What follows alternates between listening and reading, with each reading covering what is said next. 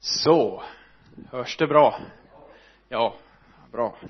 Först av allt så vill jag tacka för att jag fick förtroendet att komma hit. Det är väldigt glädje att få vara tillsammans med er. Det är alltid gott att få mötas med Guds folk. Och att Gud liksom förenar hjärtan över församlingsgränser och andra gränser och där Jesus är i centrum och där Guds ord eh, predikas som den enda grunden för vår tro, lära och liv. Där är vi också ett eh, oavsett var vi finns oavsett yttre omständigheter. Jag heter Jonathan som redan har presenterats och eh, var jag bor det är ju som sagt lite svårdefinierat. Sen eh, jag är född och uppväxt i, eller född i Danmark, uppväxt i Ljungskile och har bott där det mesta av mitt liv eh, och sen 2015 så har jag och min hustru och vår son bott uppe i övre Soppero. Om ni tänker er Sveriges karta så här så har ni liksom längst upp är det liksom ett snett streck där och där är Treriksröset och så lite nedanför är en gränsen mot Finland. Och så härifrån sett så är det ju ganska litet avstånd från det där strecket till byn där vi bor. Och ibland har folk undrat övre Soppero vad är det för en by egentligen som du bor i? Ja jag sagt då att det blinka inte när du kör förbi ortsskylten för då är risken stor att du missar alltihop. Men det bor i alla fall 170 människor där. Eh, vi befinner oss i en bygd med eh, den tornedalsfinska kulturen, den samiska kulturen och en och annan svensk inflyttad som vi då lever sida vid sida. Så, så vår församling, den gode kyrka, den består av ungefär 20 medlemmar. Och den har eh, vi betjänat sedan 2015 Ehm, och nu står vi inför en liten eh, omvälvning i livet där det kommer att bli på ett nytt sätt. Vi kommer fortsätta betjäna där men jag kommer inte vara anställd av församlingen från och med i höst här för jag har börjat att studera teologi på STH på deltid. Och det är alltid en glädje att få vara i ordet och få vara med Guds folk och få dela det som Gud talar. Så det vill jag göra tillsammans med er idag och jag får villigt erkänna att idag ska jag göra något som jag nästan aldrig har gjort. Eh, och det är att predika från en psalm i Saltaren. Så ni kan slå upp om du har din bibel med dig så slå upp psalm 85 så ska vi läsa den tillsammans. Psalm 85 och jag kommer läsa hela psalmen. Eh, så brukar jag vilja göra när jag predikar. Sen kommer jag gå igenom den stycke för stycke här och eh, för att inte Mattias ska bli misslynt på mig så får jag säga det att jag har blivit inspirerad att ta den här salmen. Och stort tack till Robert Åberg i Ljungskile. Jag har inte snott hans predikan men jag har fått inspiration till att predika över psalm 85 därför att han gjorde det för några veckor sedan. Nu läser vi tillsammans Guds ord. Herre förr var du nådig mot ditt land.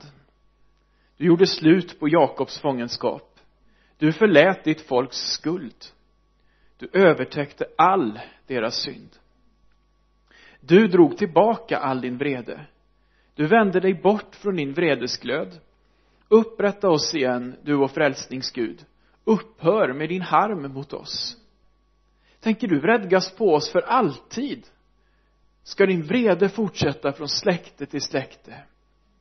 Vill du inte ge oss liv igen så att ditt folk får glädjas i dig? Herre visa oss din nåd och ge oss din frälsning. Jag vill höra vad Gud Herren talar. Han talar frid till sitt folk till sina trogna men de får inte gå tillbaka till dårskap. Ja hans frälsning är nära dem som vördar honom för att härlighet ska bo i vårt land nåd och sanning ska mötas. Rättfärdighet och frid ska kyssas. Sanning ska växa upp ur jorden och rättfärdighet blicka ner från himlen. Herren ska ge det som är gott och vårt land ska ge sin gröda. Rättfärdighet ska gå före honom och bana väg för hans steg. Så lyder Herrens ord jag tänkte bara nu är det så, jag har en telefon framför mig och det är inte för att jag smsar med frun här utan det är för att mitt utkast är just idag digitalt. Så att eh, förstår ni det? Jag vill ge en liten bakgrund här till den här salmen.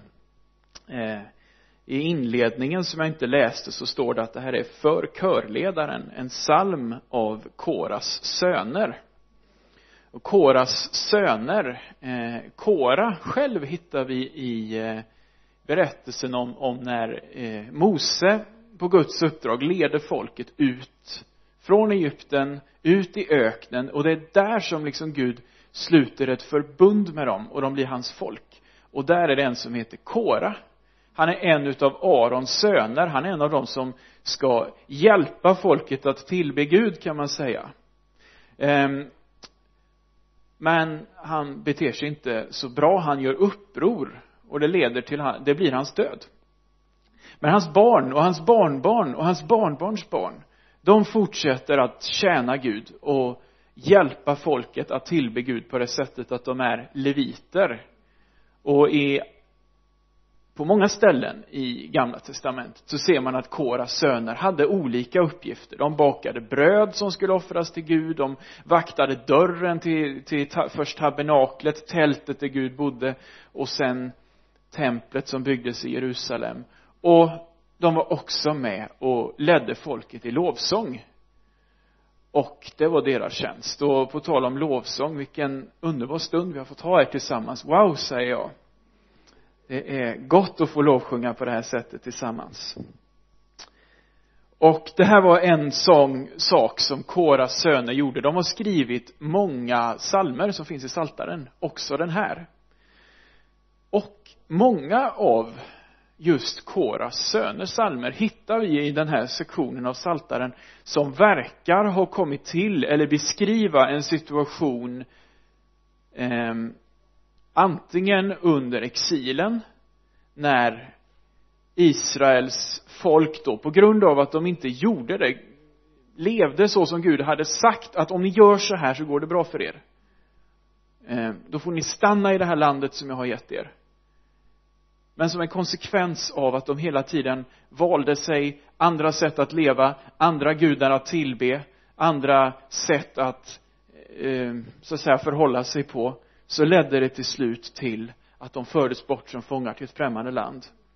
Och där kommer de här klagosalmerna, det här Gud, det var så bra. I Jerusalem, i landet, med folket. Och flera uttolkare menar att den här salmen kan vara skriven då. Vi vet inte helt säkert. Men hur som helst så ser vi att den här salmen är skriven i en tid av nöd salmen innan, psalm 84 som jag inte tänker gå desto djupare in i kan bara säga den handlar om just den här underbara glädjen att få vara i Guds hus och Guds hus för dem det var ju templet i Jerusalem och de var inte glada för att bara att det var så vackert tempel, för det var det. Eller att det var så fint i Jerusalem, för det är det säkert. Jag har aldrig varit där, men, men, men de som har varit där brukar bli begeistrade och få se allt där. För judarna, för Israels folk, så var det fantastiska med templet, att det var där som himlen mötte jorden. Templet, det var den platsen där Gud bodde att vara i Jerusalem, att vara i templet, det var att vara i Guds närhet. Det var den platsen där försoningsdagen äger rum, där människan blir försonad med Gud. Det är den platsen där man offrar och tillber Gud. Det är den platsen där leviterna förklarar lagen för folket. Hur ska vi nu leva om vi vill leva i relation med den här guden?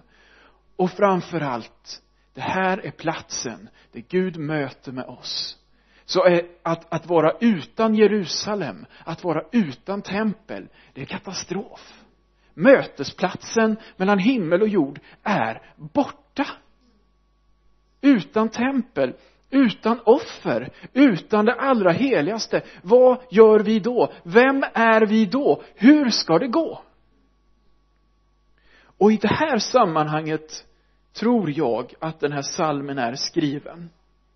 Det är en psalm av Koras söner. Och egentligen så kan man dela in den här psalmen i två delar. Och den första är en bön till Gud. En hågkomst om vad Gud har gjort och en bön om Gud. vill du inte ta hand om oss igen med centrum i vers 5 upprätta oss vår frälsningsgud. Ge oss liv igen, kommer det i vers 7. Eller som det står i en del engelska översättningar, revive us again. Väck oss igen. Vederkvick oss. Ge liv åt vår ande. Och sen kommer resten av salmen som en respons på denna bön, detta rop till Gud med centrum i vers 11. Nåd och sanning ska mötas igen. Men låt oss ta det här från början. Koras söner börjar i vers 2 med att de ser tillbaka på vad Gud har gjort i historien med sitt folk. De säger förr så var du nådig mot ditt land. Alltså mot vårt folk. Du visade oss nåd. Du gjorde slut på vår fångenskap. Du förlät våran synd och vår skuld Ja, du täckte över våran synd så att du inte såg den längre. Och din vrede över det som var fel, den lät du fara ifrån oss.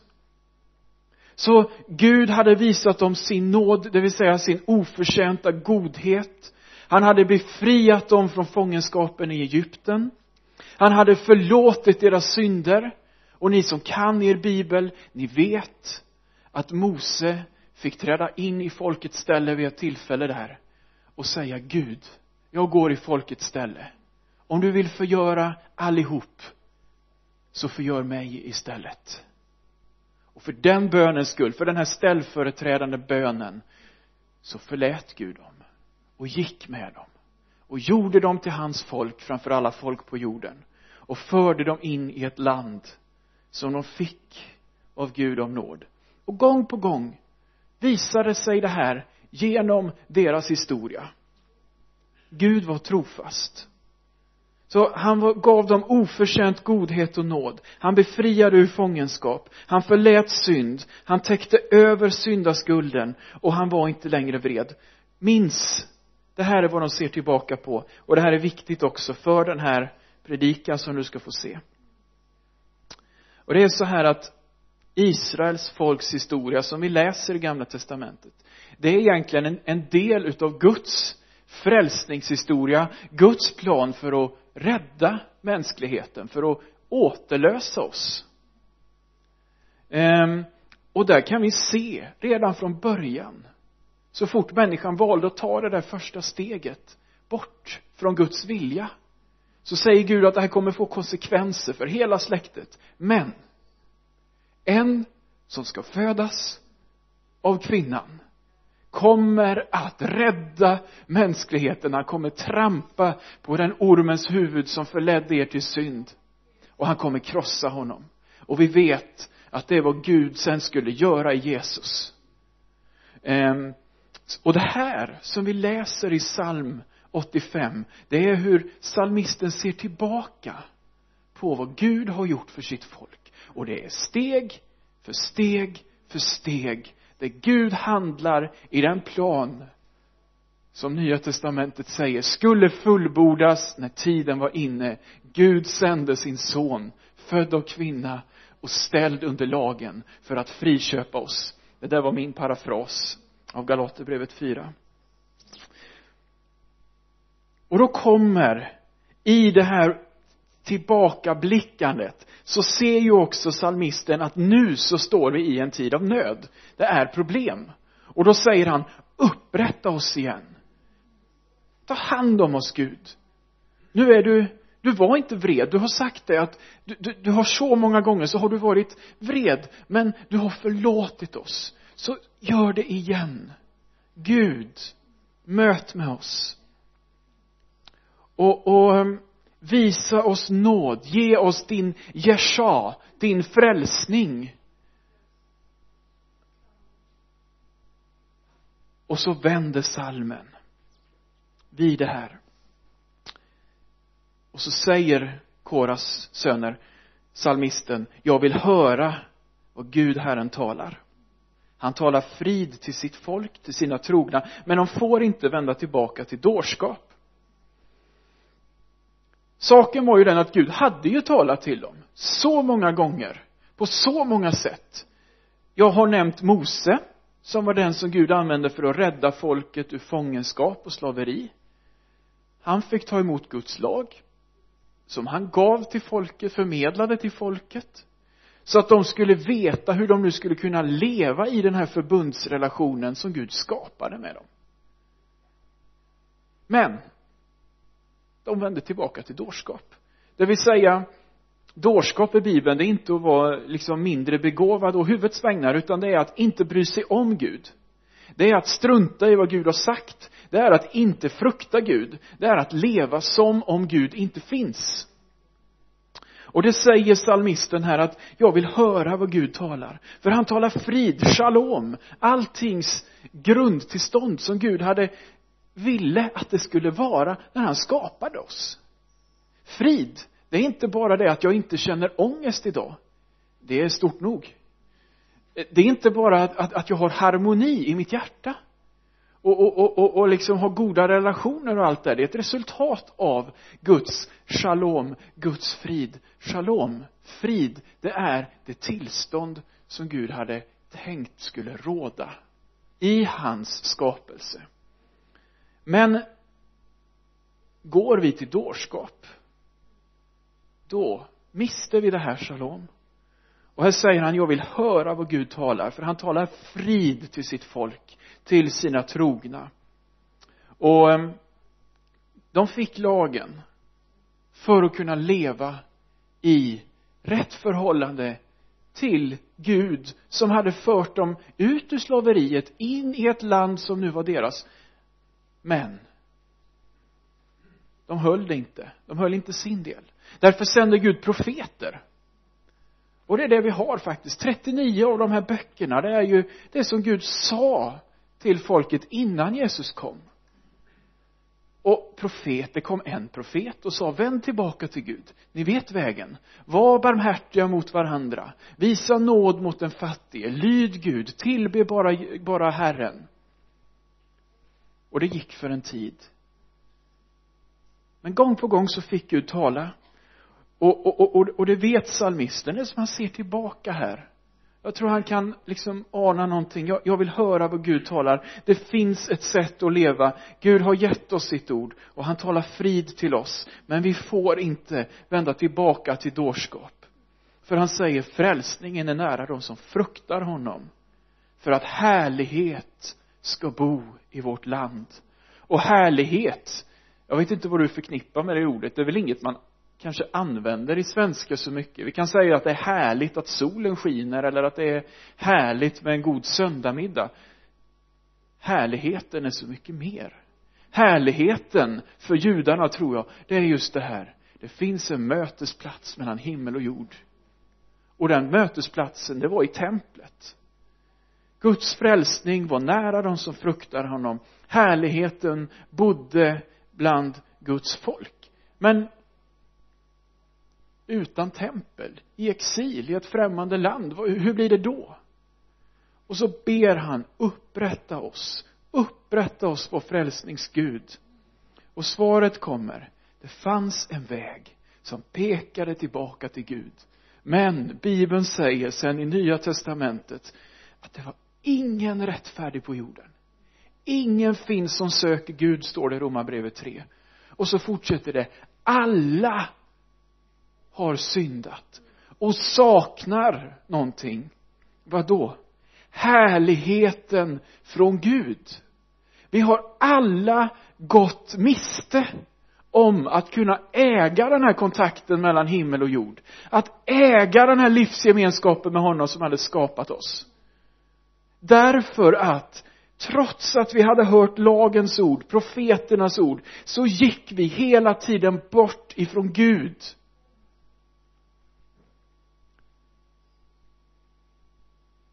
Och keruberna i första Mosebok 3 vaktar vägen till livets träd. Ett annat sätt att säga, vi kan inte längre leva i gemenskap med Gud. Synden skiljer dig och mig från Gud. Men här säger han att Guds frälsning är nära den som fruktar honom för att härlighet ska bo i vårt land. Och så fortsätter salmisten med att säga nåd och sanning ska mötas. Rättfärdighet och frid ska kyssas. Sanning ska växa upp ur jorden och rättfärdighet ska blicka ner från himlen. Herren ska ge det som är gott och vårt land ska ge sin gröda. Hur ska det ske då? Om ett folk, om, ett, om en hel värld bara går bort och bort och bort ifrån Gud och vänder sig åt alla andra håll, men inte mot sin skapare. Jo, då säger Bibeln att det här är Guds lösning. Johannes 1 och 14. Vill du slå upp det med mig, är du snäll? Johannes 1 och 14, där står det så här. Och är det så att du inte är så hemma i din bibel så är det bäst jag förklarar. Det här handlar om Jesus. Johannes förklarar i början av sitt evangelium. Han ska berätta om Jesu liv, om det Jesus sa, det Jesus gjorde och det Jesus kom för att fullborda. Och när det står ordet här, då är det Jesus det handlar om. Och då står det så här i Johannes 1 och 14. Ordet blev kött och bodde bland oss. Och vi såg hans härlighet. Den härlighet som den enfödde har från Fadern. Och han var full av nåd och sanning. Det här är vår Jesus. Och det här är vår Guds svar på bönen i vers 5. Upprätta oss, du vår frälsningsgud. Gud bor inte i ett tempel som är byggt med människohand. Utan han gör, när han vill föra inte bara Israel tillbaka till sin kallelse utan hela mänskligheten, då väljer han att skicka sin egen son Jesus till den här jorden, född som en människa, för att leva som en människa, att, att göra allt det som du och jag gör, men utan att tappa det, utan att synda. Och som den enda fullkomligt lydige tar han straffet som skulle läggas på dig och mig. All den här dårskapen, allt det här springandet bort ifrån Gud, det lägger Jesus på sig. Och därför att han tar det för dig och mig, så kan du och jag idag få vara med om att den här mötesplatsen här, där himmel och jord möts, blir en verklighet i ditt eget hjärta idag. Därför att Jesus har dött för dig och tagit det som du skulle få. Därför så är nåden verklighet idag. Därför finns det idag en befrielse från all fångenskap och varje boja. Därför så är det idag så att vi kan bli förlåtna för vår skuld. Därför är det idag så att synden som skiljer oss från Gud kan bli helt övertäckt av Jesu blod.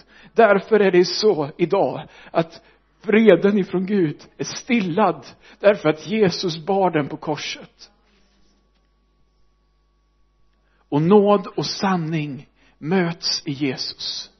Sanningen om vem du är och nåden som du får ifrån Jesus. Rättfärdighetens heliga krav och friden, upprättelsen i Jesus, de möts och de blir verklighet. Var då? I Jesus. På Golgata. När det står nåd och sanning ska mötas, då står det här ett ord Förlåt, jag är lite språknördig, jag vet det. Men, men jag tycker alltid att det är spännande med språk och, och inte desto mindre med Bibelns. Hesed, nåd, eller trofasthet, eller förbundstrohet. Det betyder Gud älskar oss och han vill det som är gott. Och har han lovat någonting, då håller han sina löften, för han bara är sån. Det är hans natur, att vara trofast. Det här ordet kan användas eh, också om trohet i ett äktenskap till exempel. Hesed, vi är trogna mot varandra för vi älskar varandra. och det innebär det här Gud kommer aldrig ljuga han kommer inte säga en sak och göra en annan han är sann han är god och han är trofast. Och han gjorde det som han hade lovat att göra. Han uppfyllde sina löften. Han uppfyllde förbundet. Han gav oss Jesus. Nåd och sanning ska mötas. Rättfärdighet och frid ska kyssas. Jag är inte säker på att Koras söner när de skrev det här förstod att liksom såg Jesus på korset där och skrev ner det här. Jag vet inte riktigt vad de tänkte. Det är väldigt vackra ord. Men någonting tänkte de. Jag tror de tänkte en dag så kommer Gud att göra allting bra igen. Men det här är uppfyllt i Kristus. Och rättfärdighet och frid har kyssts. Låt mig bara citera romarbrevet 5 och 1 till 2 där det står att när vi nu har förklarats rättfärdiga av tro har vi frid med Gud genom vår Herre Jesus Kristus. Genom honom har vi också tillträde till den nåd som vi nu står i och vi gläder oss i hoppet om Guds härlighet. Nåd och sanning möts i Jesus. Det står i Johannes 1 och 14 rättfärdighet leder till frid läser vi här i Romarbrevet 5 och 1 till 2 sanning ska växa upp ur jorden och rättfärdighet blicka ner från himlen. Herren ska ge det som är gott och vårt land ska ge sin gröda. Den här avslutningen det, det, det för oss ju får oss ju att tänka på sådana ställen i gamla testamentet som handlar om hur det ska bli när Messias kommer. Det står mycket liksom om hur allt ska bli bra det ska bli stora skördar det ska bli stor välsignelse och judarna tänkte sig att en dag ska vi räddas. En dag kommer det en befriare en dag kommer en återlösare en kung som kommer vara som David den störste i vårt lands historia. Han kommer göra så att allting blir bra igen. Tyvärr så var det som att deras förväntan mer och mer vändes mot att det kommer här på jorden det blir en, en eh, eh hur ska jag säga vi väntar på mer mat bort med romarna som förtrycker oss. Ett, ett land som är fritt och vårt att vi blir en stormakt igen. Gud hade en annan väg. Han sände sin son. Han gav ett rike som inte har gränser och murar här på jorden. Guds rike finns i var och en som tror på Jesus. Och faktum är att vi som har tagit emot honom på ett sätt så har vi redan riket här och nu men vi väntar också på att det ska komma när Jesus kommer tillbaka. Så vi lever i ett redan här men ännu icke som man säger ibland. Och i den här salmen så är det som att jag skulle vilja kalla det här för vårt tredimensionella hopp. Vi har det här, vi ser förr var du nådig. Vi kan se tillbaka och se hela vägen har Gud varit trofast. Från skapelsen till nu så har han arbetat målmedvetet för att göra det han har tänkt att göra. Om du har levt med Gud några år som jag har gjort så kan du säkert se tillbaks eh, och så se han har alltid varit trofast det finns en sång som går så du har alltid varit trofast. Du har alltid varit god så god. Det har kanske inte alltid varit lätt. Det har det inte varit för mig. Men han har alltid varit trofast. Han har visat mig nåd. Han har befriat mig ur fångenskap. Han har förlåtit min skuld. Han har övertäckt min synd. Hans vrede över synden är borta. Jag får leva fri, älskad, förlåten och han tar hand om mig alla dagar. Erfarenheten säger det. Sen finns där hoppet nu, här och nu att vi har en Gud som har makt att gripa in i våra omständigheter i det som vi står i i vår vardag. Och vi får säga som den här salmisten upprätta oss igen Gud. Ge oss liv. Svara på min bön. Grip in Gud. Jag menar folket kom ju tillbaks till Israel efter exilen.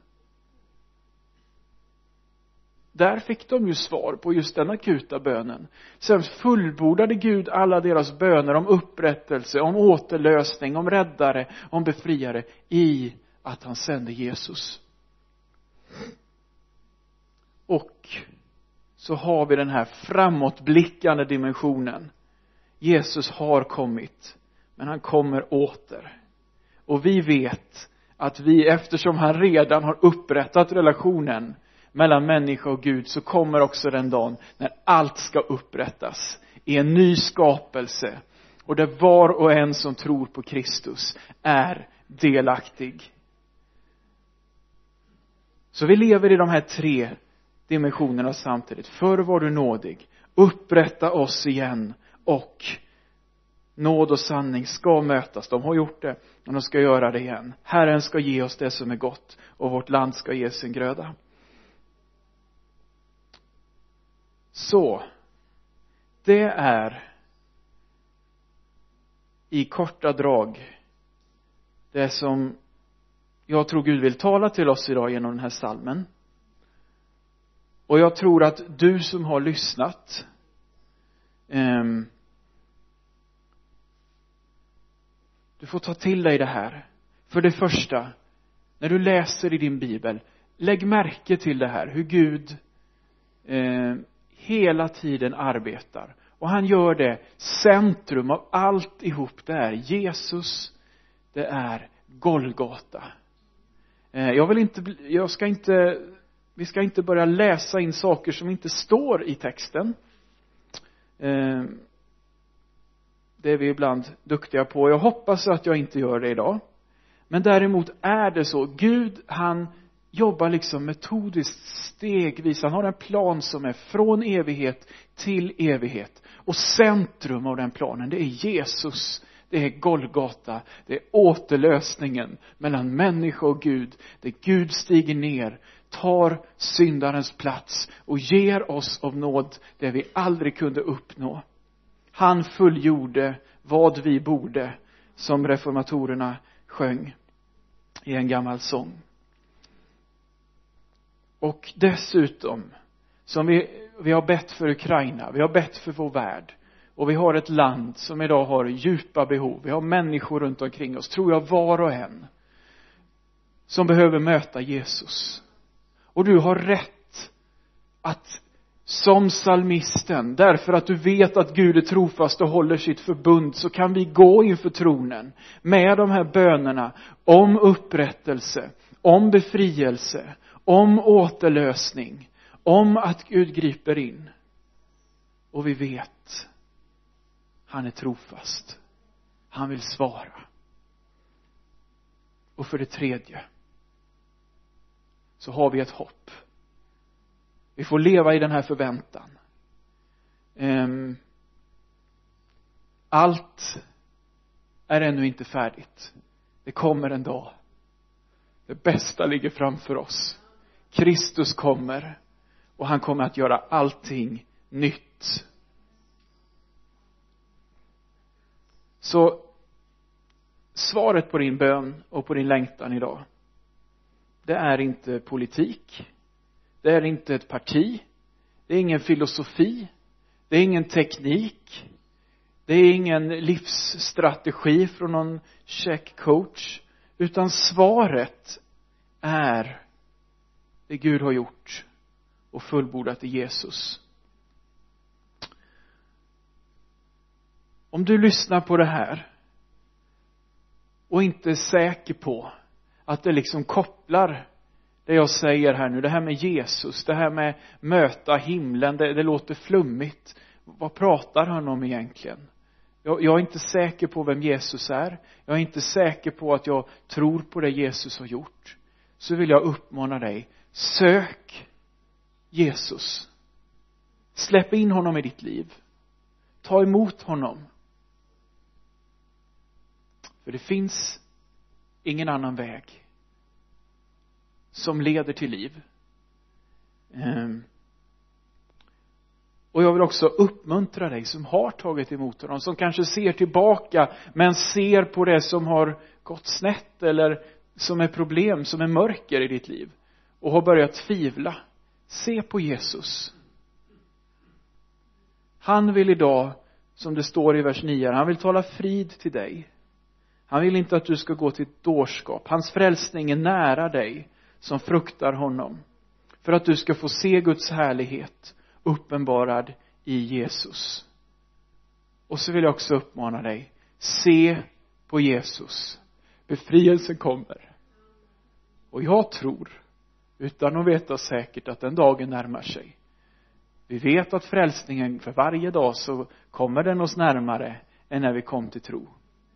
Jag vill inte spekulera när, men vi väntar en konung som både har kommit och ska komma igen. Låt oss se på honom. Amen. Jesus, jag tackar dig för att vi får vara samlade inför ditt ansikte den här dagen. Jesus, jag tackar dig för att du har en vilja och en plan för var och en som är här idag. Du känner varje livsomständighet. Du känner varje eh, börda, varje sorg, varje smärta, varje tår. Och jag tackar dig för att du har kommit för att hela, för att upprätta, för att rädda det som var förlorat. Jesus, jag tackar dig att du är den som fäster vår blick på dig när vi tappar den. Och jag ber dig idag att du hjälper oss att fästa vår blick på dig som är och som var och som kommer.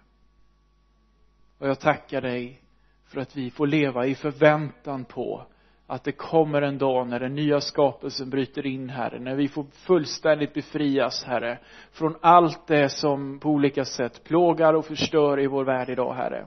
Men tack att du kommer för att göra allting nytt, Jesus. Och jag vill be för oss var och en som lyssnar på detta och är här den här dagen, eller lyssnar framför en skärm, att du ger oss nåd att förstå vår tid och att möta den dagen tillsammans med dig, Herre, försonad genom den frälsning som du har gett oss. I Jesu namn. Amen.